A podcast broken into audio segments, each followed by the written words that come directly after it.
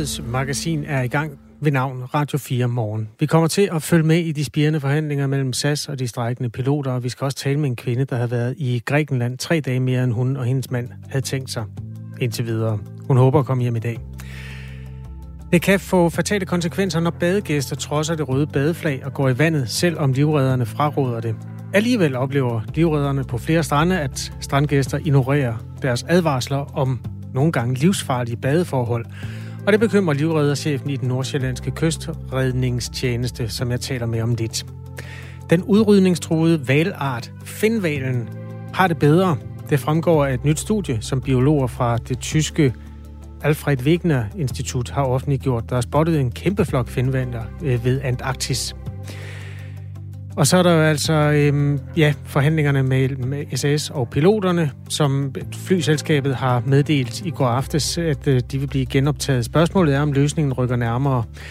Øhm, vi skal også tale med Pia Kærsgaard. Hun er med om en halv times tid. Lige efter syv skal hun, altså Dansk Folkepartis værdiordfører, forholde sig til forslaget om mere børnelitteratur om etniske minoriteter i undervisningen i folkeskolens klasser. Så kan man høre øh, lidt over syv, om hun er varm på den. Lige nu er den 6.35. Jeg hedder Kasper Harbo. Velkommen til Radio 4 morgen. Badegæster trodser badeforbud, måske fordi de ikke kender det røde flag lige så godt, som de kender det blå. Det kan jo være fristende med en dukkert på en sommerdag som i dag, hvor temperaturen skulle komme op på 25 grader. Men hvis det røde flag er hejst på stranden, så skal man blive på stranden. Det røde flag signalerer nemlig badning forbudt på grund af livsfarlige badeforhold, og det har været rejst flere gange den seneste uge på grund af kraftigt blæsevejr. Det er bare ikke alle, der respekterer flaget, fortæller Lasse Seup Jensby, der er driftsleder hos Trykfondens Kystlivredning, som har 35 livredderposter fordelt i hele landet. Vi kan jo se folk øh, på en solskinsdag, så der stadigvæk være nogen, der har lyst til at gå i vandet alligevel. Men vi er ikke politi, så vi kan ikke, vi kan ikke stoppe folk. Et af de steder, hvor livreddere flere gange har oplevet folk ignorere det røde badeflag, er ved de nordsjællandske kyster. Her er John Mogensen, livredderchef i den nordsjællandske kystredningstjeneste, der har livredderstationen på 24 strande. Godmorgen. Jamen, godmorgen. Hvor stort et omfang har det her problem? Jamen, det er faktisk et relativt stort omfang. Øh, også fordi, at når vi sætter et rødt flag op, så kan vi jo reelt ikke forbyde badning. Vi kan bare fraråde det kraftigt. Og, og det vil sige, at vi har ingenting at komme med, når folk bader til højre og venstre, for, både for vores flag, men gør det alligevel. Så, så det er, det der er for os, det er nok den, at hver gang der er en, der er ved at drukne, så skal vi have en mere ud i vandet. Og det er okay, hvis det er livredder, men nogle gange er det mor eller far eller bedsteforældre, der synes, de skal hjælpe til. Og det gør bare det hele meget mere kompliceret. Hvornår har I sidst hejst det røde badeflag?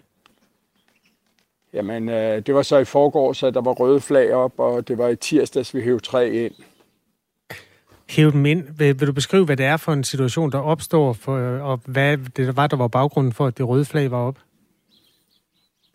Jamen, det er, for vores vedkommende, der er det oftest, når der er pålandsvind, og så der kommer huller i revlerne, altså revlehuller eller hestehuller. Og de fleste kan godt forstå efterhånden, at man ikke skal bade op af moler og høfter. Det, der kommer bag på dem, i hvert fald i Nordsjælland, det er, at man faktisk kan drukne på første revle, og det er tre skridt fra, at du er fra knæene, til du bliver trukket ud af på to meters dybde. Pålandsvind betyder altså, at vinden kommer indad. Hvad er det, der, der sker ved de der hestehuller? Kan du beskrive øh, sådan fysikken i det? Jamen, det er forholdsvis enkelt, øh, at der bliver presset en masse vand ind over revlerne, og det stuer sig op derinde, og prøver den at finde det sværeste sted i revlen at komme ud. Så når man føler, vandet trækker sidelægs, mens man bader, så bliver man bare stille og roligt trukket hen mod det hul, der er en lille smule længere til venstre eller højre for en. Og det, det går bare hurtigere, end man regner med. Altså, vi op hos os, der trak strømmen i forgårs, så trak med noget, der ligner 4-5 knop. Øh, og det er altså rigtig hurtigt. Det er mere, end man kan svømme imod. Hvor langt når de så at blive skyllet ud, de her mennesker? Jamen, det, det er det, der er det sjove. Ja, de øh, kommer sjældent længere end 50 meter ude, men de bliver ved med at svømme lige mod strømmen og går i panik. Og så tager de fat i den nærmeste gæst, der er ved siden af dem, eller den person, der går ud og prøver at redde dem, og trykker dem med ned under vandet. Og så længe det er livredderen, der går med ud, eller nogen, der kender til det her, så øh, går det nok. Det er mere det der med øh, alle de andre behjælpelige sjæle, der går med ud, og det kommer fuldstændig bag på dem, at de har et barn eller en anden voksen, der prøver at kravle op på hovedet af dem. Med i Radio 4 morgen er altså lige nu John Mogensen, der er livredderchef i den nordsjællandske kystred livredningstjeneste, øh, som har stationer på 24 strande. Og nu dvæler vi ved, at der var tre mennesker, der blev reddet ind. Øh, altså noget i dem, men er de okay i dag? Jamen, de er okay, fordi at de var nemlig lige netop fornuftige nok til at bade ved siden af livredderen. Og vi prøver at udpege et mindre område, prøver at undgå at lukke stranden fuldstændig, når, når det er rødt flagsvær. Fordi så kan vi se de mennesker, der går ud, og vi kan snakke med dem, inden de går ud. Fordi at jeg kan godt forstå, at der er nogen, der gerne vil gå ud til knæene øh, på sådan en dag og døbe sig lidt.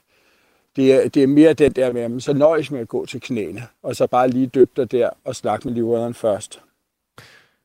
Det virker helt absurd, at man skal beskrive et rødt flag, men vil du ikke lige beskrive, hvordan det røde flag ser ud, så folk, der hører det her? Det er, altså, det er måske ikke så, så kendt en del af bevidstheden som det blå, der betyder, nu skal du bare bade. Nej, øh, det, det er fuldstændig rigtigt. Det røde flag, det er fuldstændig ligesom et trafiklys, at øh, nu skal du lade være med at gå over vejen, fordi det kan være farligt.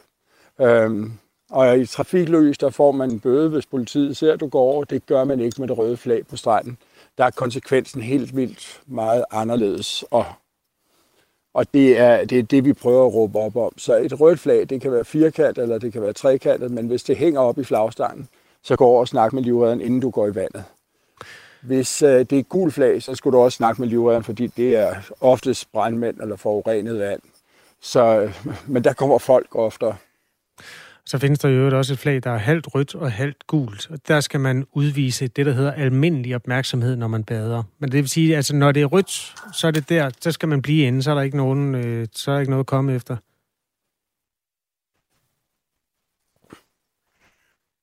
Altså man sket det, at øh, linjen til John Mogensen, det oplever vi at til, den er lidt øh, det anløben lige i øjeblikket. Men mens vi får fat i ham igen, så vil jeg øh, læse lidt statistik op. Der bliver jo lavet statistik på, hvor mange øh, mennesker, der drukner i Danmark, og der var øh, i den seneste opgørelse, det er den fra 2020, 54 mennesker, der mistede livet som følge af en drukneulykke. 70 procent af drukneulykkerne sker for øh, mennesker, der er 45 år eller ældre. Så det er altså ikke øh, kun øh, uovervågede børn, det her sker for. Det er i høj grad også noget, der rammer voksne. Øhm, den her øh, samtale så udgangspunkt i, at man altså har jagtet rigtig mange øh, badegæster, der ikke ved, hvad det røde flag betyder, eller simpelthen vælger at øh, gå en tur i bølgen, selvom øh, det ikke, øh, altså selvom det er frarådet. Det røde flag betyder, at livredderne på stedet fraråder badning, fordi øh, vandforholdene er livsfarlige. John Mogensen, er du med mig igen? Ja, jeg er med. Der er lidt dårlig forbindelse heroppe. Ja, det er så fint. Hvor står du lige nu? Jamen lige nu er jeg gået udenfor for at have lidt bedre forbindelse, så ja, ja. er der nogen, der ser mig i underbukser ude i haven, så ved de hvorfor. Jamen det må man gerne. Det er din egen have. Øh, John Mogensen, hvis, det, hvis man står... Altså du beskrev det meget dramatiske med pålandsvind, vandet bliver skubbet op mod stranden, og så trækker det hårdt ud nogle steder, hvor folk så bliver trukket med ud. Hvis man nu, altså af den ene eller den anden grund, har ignoreret det røde flag, og er i den situation, at man bliver trukket ud, hvad er så det bedste råd? Men det bedste råd, det er at lægge sig op og flyde på ryggen. Så vandet er så varmt nu, så man kan ligge der i lang tid og blive reddet ind. Strømmen tager af, når man kommer længere ud. Og folk kan nå at finde et flydemiddel eller noget andet at komme ud til dig. Kan man gøre noget, mens man er på vej ud af? Altså mens man bliver trukket? Er det bare at, at vente til det er overstået? Ja, det er sådan set det eneste, du kan gøre. Det er at holde hovedet over vandet, og vigtigst af alt, holde hovedet koldt. John Mogensen, vi har slået et slag for det røde flag. Øh, tak fordi du vil hjælpe med det. Jamen, uh, tusind tak, så håber jeg, det virker. Ja, så må vi vende tilbage til det. John Mogensen er livredderchef i den nordsjællandske kyst livredningstjeneste. Tidligere har der jo været et grønt flag også. Det, der er virkelig mange flag i spil her. Det grønne flag er altså blevet erstattet af det, der er rødt og gult. Og det er efter, at man har indført det, det der hedder den internationale livredder. Det, øh, det internationale livredderflag. Hvis man støder på et grønt flag, så betyder det fint nok. Og den blå, øh, det blå flag betyder så, at stranden er god, og men det, man virkelig skal kigge efter, det er det, som øh, udgangspunktet er for det her indslag, det er det røde flag. Den nationale drukne statistik bliver lavet af Statens Institut for Folkesundhed ved Syddansk Universitet på foranledning af Trykfonden, og det har altså kostet 54 liv i den seneste opgørelse. Det her det er Radio 4 morgen på en sommerdag. Øh, klokken er 6.44. Den udrydningstruede valart Finvalen ser ud til at få det bedre. Det fremgår af et nyt studie, som biologer fra det tyske Alfred Wegener Institut har offentliggjort. Der er nemlig blevet spottet en kæmpe flok finvaler ved Antarktis. Det er gode nyheder, fortæller Peter Talberg Madsen, der er professor i sansefysiologi ved Aarhus Universitet. Jamen det her studie øh, peger sådan set meget entydigt på en tendens, vi har set i de sidste 20 år, nemlig at, at finvalerne er heldigvis ved at komme sig. Øh, og øh, i Nordatlanten for eksempel, der ved vi, at bestanden har været stigende gennem længere periode, hvorimod øh, i vandene omkring Antarktis har vi været mere i tvivl. Og det her studie øh, peger jo på, at når så mange dyr kan samles for at finde føde sammen, så er det et tegn på, at, at bestanden øh, har fået det bedre. Og øh, hvis man sidder og tænker på, hvordan en finval mund ser ud, fordi så mange af dem er der jo altså ikke i danske farvande, så kommer der her en fin beskrivelse fra Peter Teilberg Madsen. Jamen, det er et kæmpestort dyr. Det er det næst største dyr, der nogensinde har levet på jorden. Øh, det når en længde på op til 25 meter og veje øh, op imod øh, 70 tons. Lang, slank, meget hurtig val, øh, som øh, lever af at tage store mundfulde vand ind i munden, hvor der så både er kræftdyr og, og fisk i. Øh, så det er et hurtigt, stort og spektakulært dyr, som øh, kan tage op imod 100 tons vand ind i munden, mens den jager. Og den her flok, der altså rokker ved opfattelsen af, hvor udrydningstruet finvalen er, den er spottet ved Antarktis, altså den modsatte side af jordkloden. Men man kan rent faktisk være heldig at møde en finval i danske farvande. Det sker bare ikke så ofte. Jamen, den findes i alle øh, verdenshave i princippet. Den mest på de højere breddegrader. Så i Nordatlanten øh, ved Færøerne, Island, Grønland, Nordnorge øh, er der en, en bestand, som har det øh, fint, øh, som øh, også er voksne. Og så har vi som sagt nede i, i Sydhavet omkring øh, Antarktis, og en gang imellem kan vi også være heldige, at den stikker næsen ind i dansk farvand. Der var jo blandt andet en, der, der strandede og, og døde nede i Vejle Fjord for omkring 10 år siden. Finvalen er truet på grund af industri eller det, som Peter Teilberg Madsen kalder for det moderne olieeventyr? Jamen det, der har troet den, det var, at den var jo et mål for det moderne olieeventyr, øh, kan man sige. Øh, så øh, da norske valfangere fandt ud af at bygge store fabrikker, flydende fabrikker og hurtige fangstskibe, så sejlede man til Antarktis sammen med blandt andet også russiske valfangerskibe. Så fra 1905 og til 1978, der skød man alene omkring Antarktis øh, næsten 800.000, altså næsten en million af de her finvaler, fordi man var interesseret i at bruge deres øh, spæk til at lave øh, øh, øh, olie til industrien af, til margarine og til olielamper og så fremdeles. Så de var en del af det moderne olieeventyr, og sammen med blåvalerne og en hel del andre vartvaler var de jo, blev de jo næsten udryddet, øh, indtil man fik indført det her øh, stop for fangst af dem i slutningen af 70'erne, og så indtil der kom det her endelige øh, stop for kommersiel valfangst i midten af 80'erne. Peter Talberg Madsen påpeger, at det ikke bare er finvalerne selv, der kan glæde sig over, at de er på vej tilbage.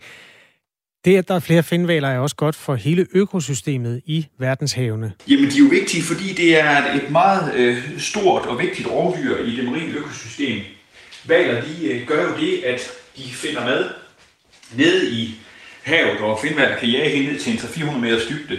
Og så går de kun på toilettet op på overfladen, og det vil sige, de gør faktisk noget meget, meget vigtigt. Det vil sige, de øh, henter næringsstoffer i form af mad nede på dybden, og så står de op til overfladen, og så besøger de deres nødstoft. Øh, øh, meget over, så vil deres afføring så føre til, at det bliver frigivet næringsstoffer, som algerne så kan optage.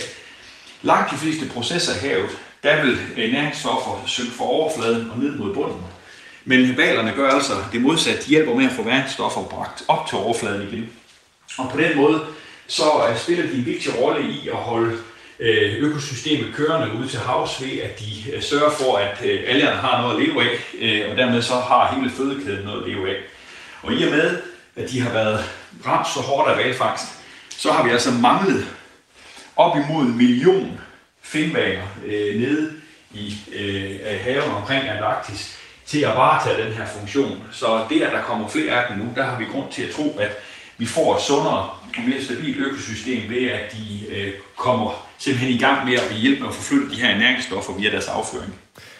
Det, at finvalerne har været en truet dyreart i mange år, har også betydet, at øh, arten har udviklet sig. Noget af det, biologerne i studiet har lagt mærke til, er, at øh, nogle valer har fået en atypisk måde at jage på. De har observeret, hvordan en håndfuld finvaler dykkede dybt ned mod havbunden for at tvinge de her små krebsdyr, krill, op mod havoverfladen, hvor resten af valerne så kunne mæske sig. Jamen det er en interessant opdagelse, fordi finvaler normalt egentlig øh, findes øh, for sig selv. Øh, og øh, godt nok øh, har de nogle meget opforkvandte kald, de kan kommunikere på hinanden øh, over mange tusind kilometers afstand, selvom ikke vi støjer for meget med fragtskibe. Men det, at man nu kan se, at de går sammen i større grupper, og til synligheden jager i fællesskab, det, øh, det er, er super spændende. Og jeg synes også, det er understreget den her pointe med, at vi skal gå fra at tænke på dem som øh, flydende spækdepoter, som vi mennesker så øh, øh, øh, kan gå på jagt efter dem for at få fat i, til at det er nogle store dyr med en kompleks social adfærd, der har vigtige økologiske roller, og som jo har øh, et leve, øh, leve, en, en, hvad en levetid på jorden, som er øh, mindst lige så langt som også mennesker. En filmmal kan blive op imod 100 år gammel. Så at de er komplekse og store og økologisk vigtige, understreger sådan set bare pointen om, at de øh, også har ret til at være her på jorden. Og det sagde altså valgekspert og professor i biologi ved Aarhus Universitet, Peter Teilberg Madsen, ovenpå opdagelsen om, at øh, finvalen har det bedre end først antaget, efter man har fundet hidtil uopdagede flokke ved Antarktis, altså i Sydhavet. Klokken er 6.51. Godt nyt på Radio 4 morgen. Måske også godt nyt på vej i forhold til konflikten mellem SAS og, konfl- øh, og øh, piloterne.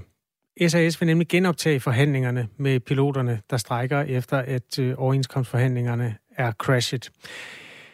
Øh, flyselskabet har meldt ud i aftes, at man vil genoptage mailingen med piloterne i et forsøg på at nå frem til nye overenskomster og dermed bringe den igangværende strække til ophør. Jakob Petersen er øh, aktieanalysechef og luftfartanalytiker ved Sydbank. Godmorgen.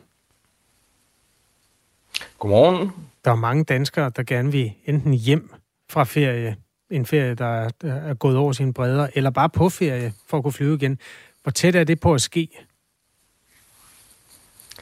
Det ville jeg ønske, at jeg havde et rigtig, rigtig godt svar på, men der er ingen tvivl om, at det er i hvert fald tættere på, når parterne begynder at tale sammen, end det er, når de ikke taler sammen. Og, og jeg synes også, at der ligger i, øh, i den meddelelse, som SAS har sendt ud i går, at, øh, at selskabet også er villig til at give sig at man, øh, at man nu er på vej til at blive mør, øh, simpelthen fordi pengene de fosser ud af kassen, og øh, renomméet øh, hos, de, hos de fritidsrejsende bliver mere og mere bulet for hver dag, der går. Hvad er egentlig det værste af de to ting, Jakob Petersen? Altså, at der ryger 90 millioner kroner for hver dag, den her konflikt, den kører. Det er en ting. Noget andet er, at SAS, som jo aldrig har kunnet sådan rigtig konkurrere på prisen, de har jo overlevet på deres gode renommé. Hvor mange buler har det fået allerede nu? Og det har fået mange buler, og man skal altså huske, at SAS er en forretning, som, som langsomt, men sikkert skal dreje sig over imod de fritidsrejsende. Fordi de forretningsrejsende, der hidtil har været øh, SAS' levebrød, dem, dem er der altså færre af nu efter corona. Øh, så, så SAS har en kæmpe opgave foran sig med at, at få, få styrket uh, sin, uh, sin, hvad kan man sige, sit, sit brand og, og uh, sin, sin uh, evne til at få, få, de, uh, få de fritidsrejsende op i flyene. Og, og det har man altså fået en, en ren maveplasker af en start på, øh, både med en strække i vinterferien, hvor, hvor de private skulle på, på ferie, og så med, med den her øh, forholdsvis lange strække og den usikkerhed, der har knyttet sig til, om der kom strække eller ej her i sommerferien. Det her det er Radio 4 Morgen. Jakob Petersen er med, altså aktieanalysechef ved Sydbank og også luftfartsanalytiker. Øhm, da SAS i aftes udsendte en pressemeddelelse om, at man vil tage initiativ til at genoptage mailingen med piloterne, sagde formanden for Dansk Pilotforening, Henrik Tyregod, sådan her. Det er helt nyt for mig. Jeg synes, det er en, en, en mærkværdighed at gå ud i pressen omkring de ting, i stedet for at kontakte mig direkte, så vi har en aftale om, vi skal mødes. Jakob Petersen, hvordan anskuer du det? Jamen, jeg er, egentlig, jeg er for sig lidt enig. Øhm, og, og det er jo et godt billede på, at, at kampen mellem piloter og, og SAS foregår også i offentligheden. Den foregår også i pressen. Der er, begge parter har meget, meget stor interesse i, at det ikke er dem, der i offentligheden bliver stemplet som de skyldige i, at det her det er sket. Øhm, normalt så vil man i det her tilfælde tale med hinanden og tage kontakt til hinanden, og ikke, ikke nødvendigvis reklamere med, hvad det er, man har lyst til og hvad man gør. Så, så jeg er i for sig enig i, at, at det er lidt en mærkværdig taktik, men, men det handler også om, at SAS har behov for at vise, at, øh, at, at nu skal man simpelthen finde en løsning på den her konflikt, fordi den gør så, så forfærdeligt ondt på selskabet. I detaljer er det svært at gå helt ned i en overenskomst, fordi hvis man spørger den ene part, så peger de et sted i en meget lang overenskomst, og hvis man spørger den anden part, så peger de et andet sted, og de beskylder gensidigt hinanden for at flytte målstregen. Hvad er efter din opfattelse stridens sådan mest afgørende æble? Der er ingen tvivl om, at for piloterne, der handler det her om, øh, om, om 450 fyrede kolleger, som, øh, som man gerne vil have tilbage i SAS, inden SAS begynder at ansætte andre piloter på billigere vilkår i de datterselskaber, som SAS har oprettet. Derimod for, øh, for SAS, øh, der handler det her jo om, at man skal have omkostningerne bragt ned, hvis man skal redde selskabet. Øh, og, og derfor så er forhandlingerne med piloterne i og for sig også bare en puslespilsbrik i et langt større og vigtigere puslespil, nemlig redningen af, af SAS. Og det at få gælden bragt ned, det at få nye penge i kassen, det er meget vigtige puslespilsbrækker i, den, øh, i det puslespil også. På det globale marked er der jo hårdere konkurrence og forskellige overenskomster, man kan shoppe imellem, og det er derfor, øh, der findes nye piloter, der kan ansættes med dårligere vilkår i datterselskaberne, end man har set, de den oprindeligt har været ansat til, eller andre piloter har været ansat til. Kan det lade sig gøre overhovedet at holde en, skal vi kalde det dansk standard på lønniveauet, når øh, det er så globalt, som det er, det her marked? Det er jo en svær øvelse, man kan sige, det er jo blandt andet den øvelse, der har gjort ondt på SAS. Øh, en ting er, at man, at man faktisk også her i Danmark kan finde billigere overenskomster, end det SAS-piloterne de har fløjet til indtil nu. Øh, men, men kigger vi ud i verden, jamen, så er vilkårene for mange af de kolleger, som, øh, som SAS-medarbejderne har, øh, selvfølgelig værst i, øh, i, i, i de deciderede lavprisselskaber og i, i sydeuropæiske og østeuropæiske øh, selskaber, men, men, men, men, men, men der er omkostningerne bare utrolig meget lavere. Øh, og, og det er klart, det sætter et kæmpe tryk på, øh, på, på de skandinaviske medarbejdere. Og, og vi mangler jo stadigvæk, kan man sige, Norwegian har jo forsøgt, og jeg vil også sige, at, at kigger man på vilkårene SAS Norwegian, så er det jo ikke fordi, de er milevidt fra hinanden.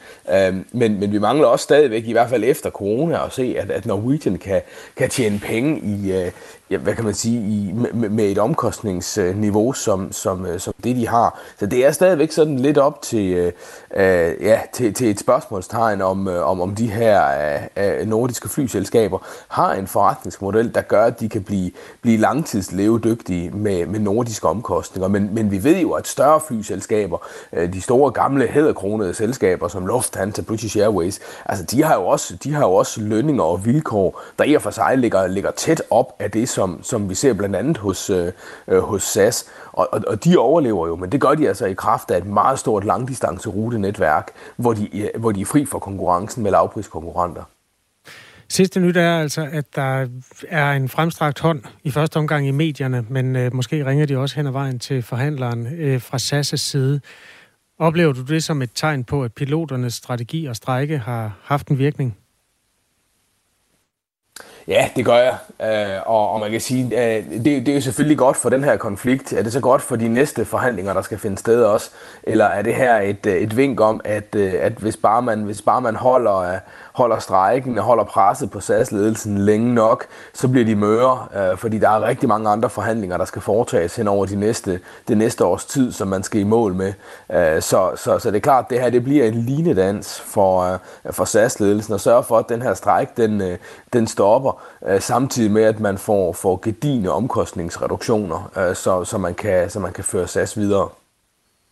Kommer vi til at se en strejke igen næste år, og næste år igen?